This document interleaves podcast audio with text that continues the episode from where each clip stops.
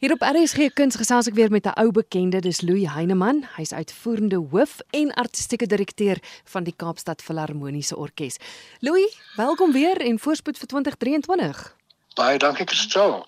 Ja, ons ons sien uit na 'n baie besige 2023. Ja, jy sê vir my julle is eintlik nou aan die begin van die jaar besigger as ooit. Julle het gewoonlik julle eerste seisoen, maar vanjaar is dit bietjie anders.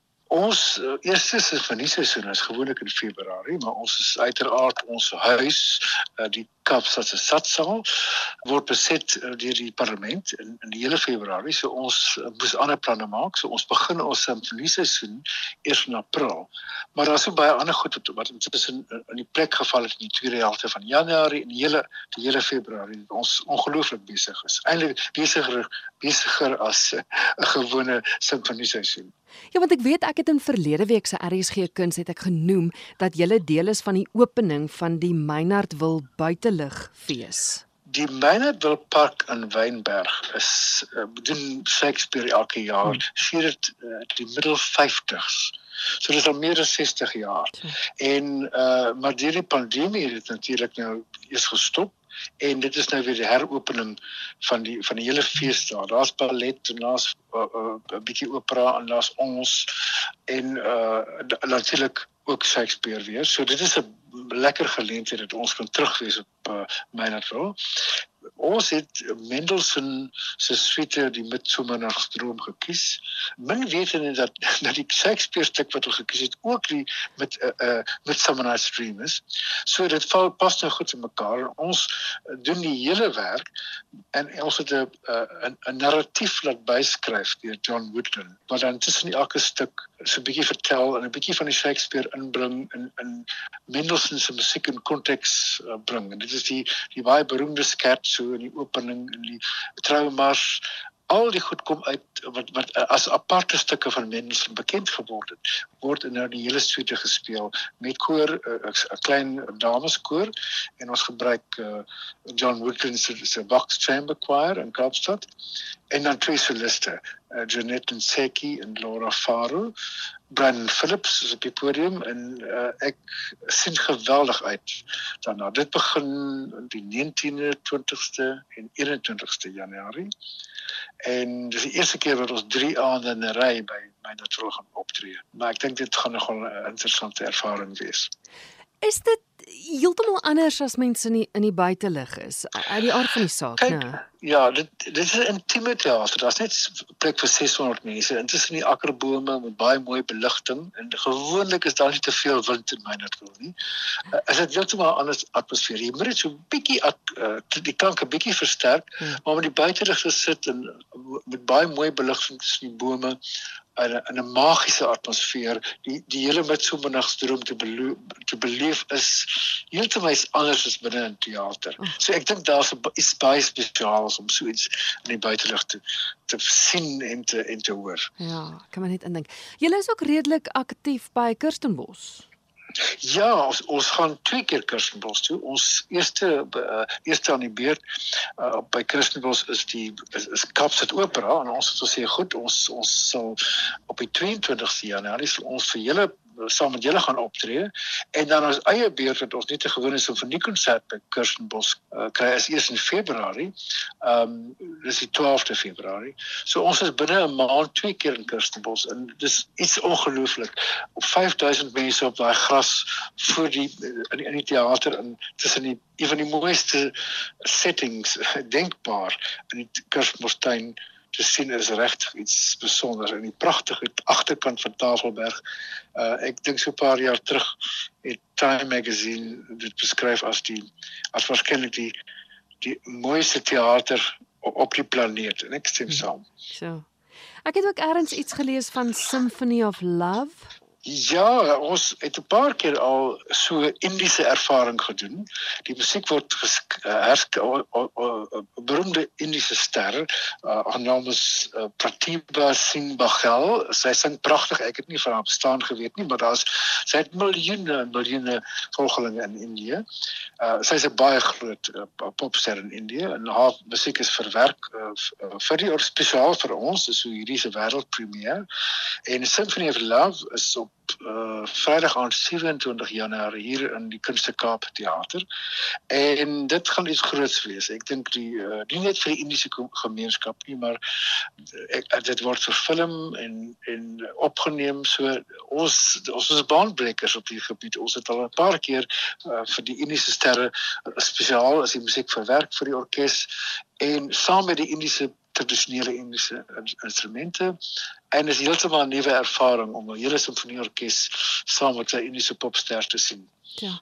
Dit is my so wonderlik hoe jy altyd net uit die boks uitdink. En dit is vir my so fantasties om te sien die samewerking wat daar is tussen julle en Kaapstad ja. Opera en Cape Town ja. City Ballet. Dit dit ja, ja julle vat so mooi hande. Ja, ons ja, ons doen weer as Pusertjie Cinderella as as mense loop soek vir die Prokofiev Cinderella, ja. uh die volledige ballet. Uh, dis vir ons belangrik gestel. Um ons die die, die dae wat ons uh soos bukkewyne aantrek en nape op 'n verhoog formeel sit en net so vernieurkes musiek speel of miskien swaar of hoe mooi dit ook al is is verby. Ons ons is 'n multifunksionele orkes en ons moet uitreik na al die gemeenskappe en al die al die alle groepe en vir alle smake en alle genres. En vir ons werk dit baie goed. Ek wou nog altyd vra ek lees altyd van julle as Kaapstad filharmoniese orkes, maar dan is daar ook 'n jeugorkes. Ons het eintlik twee jeugorkeste. Ons het 'n jeug uh, gewone orkes en dan het ons ook 'n jeug uh, blaasensemble. En om die waarheid te sê, ons het drie dan uh opleidingsorkeste as, as senior en en intermediêre uh strykensemble dis almal mense wat ons leer in verskillende groepe by ons musiekakademie om in 'n orkes klein orkesie dan 'n bietjie groter en dan ons jeugorkes speel. En jeugorkes speel uh, groot konserte, al al, al lewendige regstreeks televisiekonsert gedoen en hulle doen gereeld gereeld konserte dis die opleidingsorkeste wat vir ons geweldig belangrik is want dit is waar mense leer om in 'n professionele orkes te speel. Weet al as jy 'n goeie musikant jy kan nie sommer net instap in 'n 'n uh, uh, in 'n professionele orkes nie. Jy moet 'n bietjie eers uh, opleiding kry natuurlik en en dan 'n bietjie ondervinding kry. En die jeugorkeste is die perfekte plek om ondervinding te kry. En wat ons nou ook verjaar doen, ons doen ook in Februarie die Franshoekse uh, Kamermusiekfees ja. wat ons net vir die tweede jaar in 'n ry doen. En dit gee ons uh, musisië kans om in klein groepies wat hulle baie meer uh, sigbaar is en baie meer met korrek speel en 'n uh, uh, baie groter rol in die klein groepies speel. Dis dis nogal tamelik druk op op, op musisië. Jy weet as jy as jy wegsteek sit en na 60, 70 mense wat die dieselfde ding doen, uh, dan kan jy miskien 'n foutjie maak, maar as dit net 3 of 4 van jou hier voor, in 'n klein groepie is, dan uh, mense hou jou fyn dop, hulle sit naby jou, dan moet jy jou storie ken en dis 'n geweldige ekstra druk op ons musisië, maar hulle is almal mal daaroor. Hulle hou daarvan iets niets te doen en hou daarvan om daai druk op hulle is is baie wonderlik. So dis 'n nuwe geleentheid wat ons vir hulle gee hier vir die jaar en verlede jaar was was nog was daar nog sekere beperkings op die grootte van die van die gehoor. Nou is daar geen beperkings nie, so ek verwag uh, dit gaan uitverkoop. Ja. Daar's so 11 konserte in van die 23ste tot die 26ste Februarie. As ek dit meet aan hoe hoe dit verlede jaar ontvang is, gaan dit weer 'n reuse sukses wees. Mm, mm. Ek gaan definitief daaroor gesels in 'n latere program. Ek wil gevra, ek het gesien daar's audisies vir vir musisi om deel te word van van Kaapstad Filharmoniese Orkees.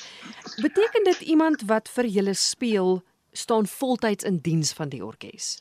Ja, ons uh die, die basiese orkes, dis die model wat werk vir ons. Ons kan nie as baie keer het vir party werke 100 spelers nodig. Ons kan nie 100 spelers voltyds in, in in diens neem nie. Ja.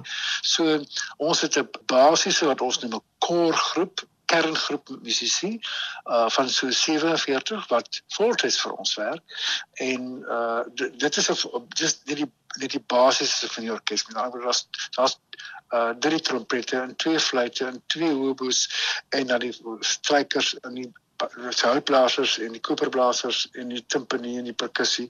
Uh daai kombinasie is is so 47. As dit dra ons dan bietjie groter meer strykers nodig te hier is die mense ad hoc in. Ons het 'n groot groep van omtrent 100 ekstra ad hoc spelers. Nou die kerngroep is voltyds uh, werknemers en hulle kry uh, salaris, hulle mediese fonds, uh pensioen alles. So dit ja. is ook om dit se duur is om om 'n simfonieorkes vir 12 maande van die jaar om die gang te hou. Louie, kom my hoed vir jou af want deur 'n pandemie, deur allerlei ander dinge wat gebeur, voel voel dit vir my asof jy sterker as ooit is. Ja, ons aan die begin van die jaar kyk jy na die jaar en kyk dan die begroting en jy wonder hoe ons uh, waar ons al genoeg geld vanaf gaan kry, genoeg uh, ondersteuners en borgers. Ons weet ons kan vir 'n sekere deel omtrent 20% kan ons werk. Die ander moet ons soort van uh, godsgunstig hulp kry. Mm. So uh, as jy 'n fabriek het en jy maak 'n sekere artikel en die artikel se se markprys is op van so 'n aard dat jy bietjie wins maak, dan het jy 'n besigheid. As die markprys onder die van die artikel wat jy vervaardig onder die markprys of of onder jou vervaardigingsprys val, dan maak jy die fabriek toe. Nie Vrydagmiddag nie, sommer vanmiddag nog. Hmm. Dit is 'n besigheid werk. Maar orkes kan nie so werk nie. Ons is uh, arbeidsintens. Met ander woorde, ons het, ons kan nie masjinerie halfte goed van die goed doen nie.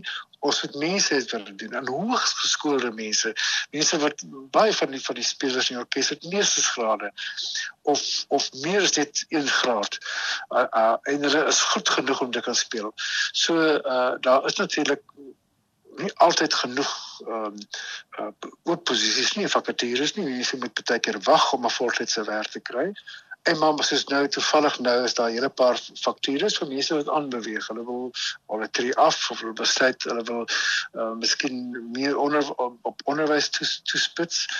So daar's altyd 'n uh, soos die Engelsman sê 'n turnover. En dit is vir my ook goed want dan kry jy 'n klomp jong mense kans om uh, professioneel te werk in 'n orkes. Hmm. Wel ek hoop van harte dat hierdie jaar julle 'n klomp mense gaan kry wat hierdie fabriek van julle gaan ondersteun. En en sta, ja, start vir alles wat julle aanpak en en ja. doen so voort. Ja, baie dankie. Ons ons waardeer dit. Ons soek die hulp en die ondersteuning van van die die hele musiekgemeenskap nodig.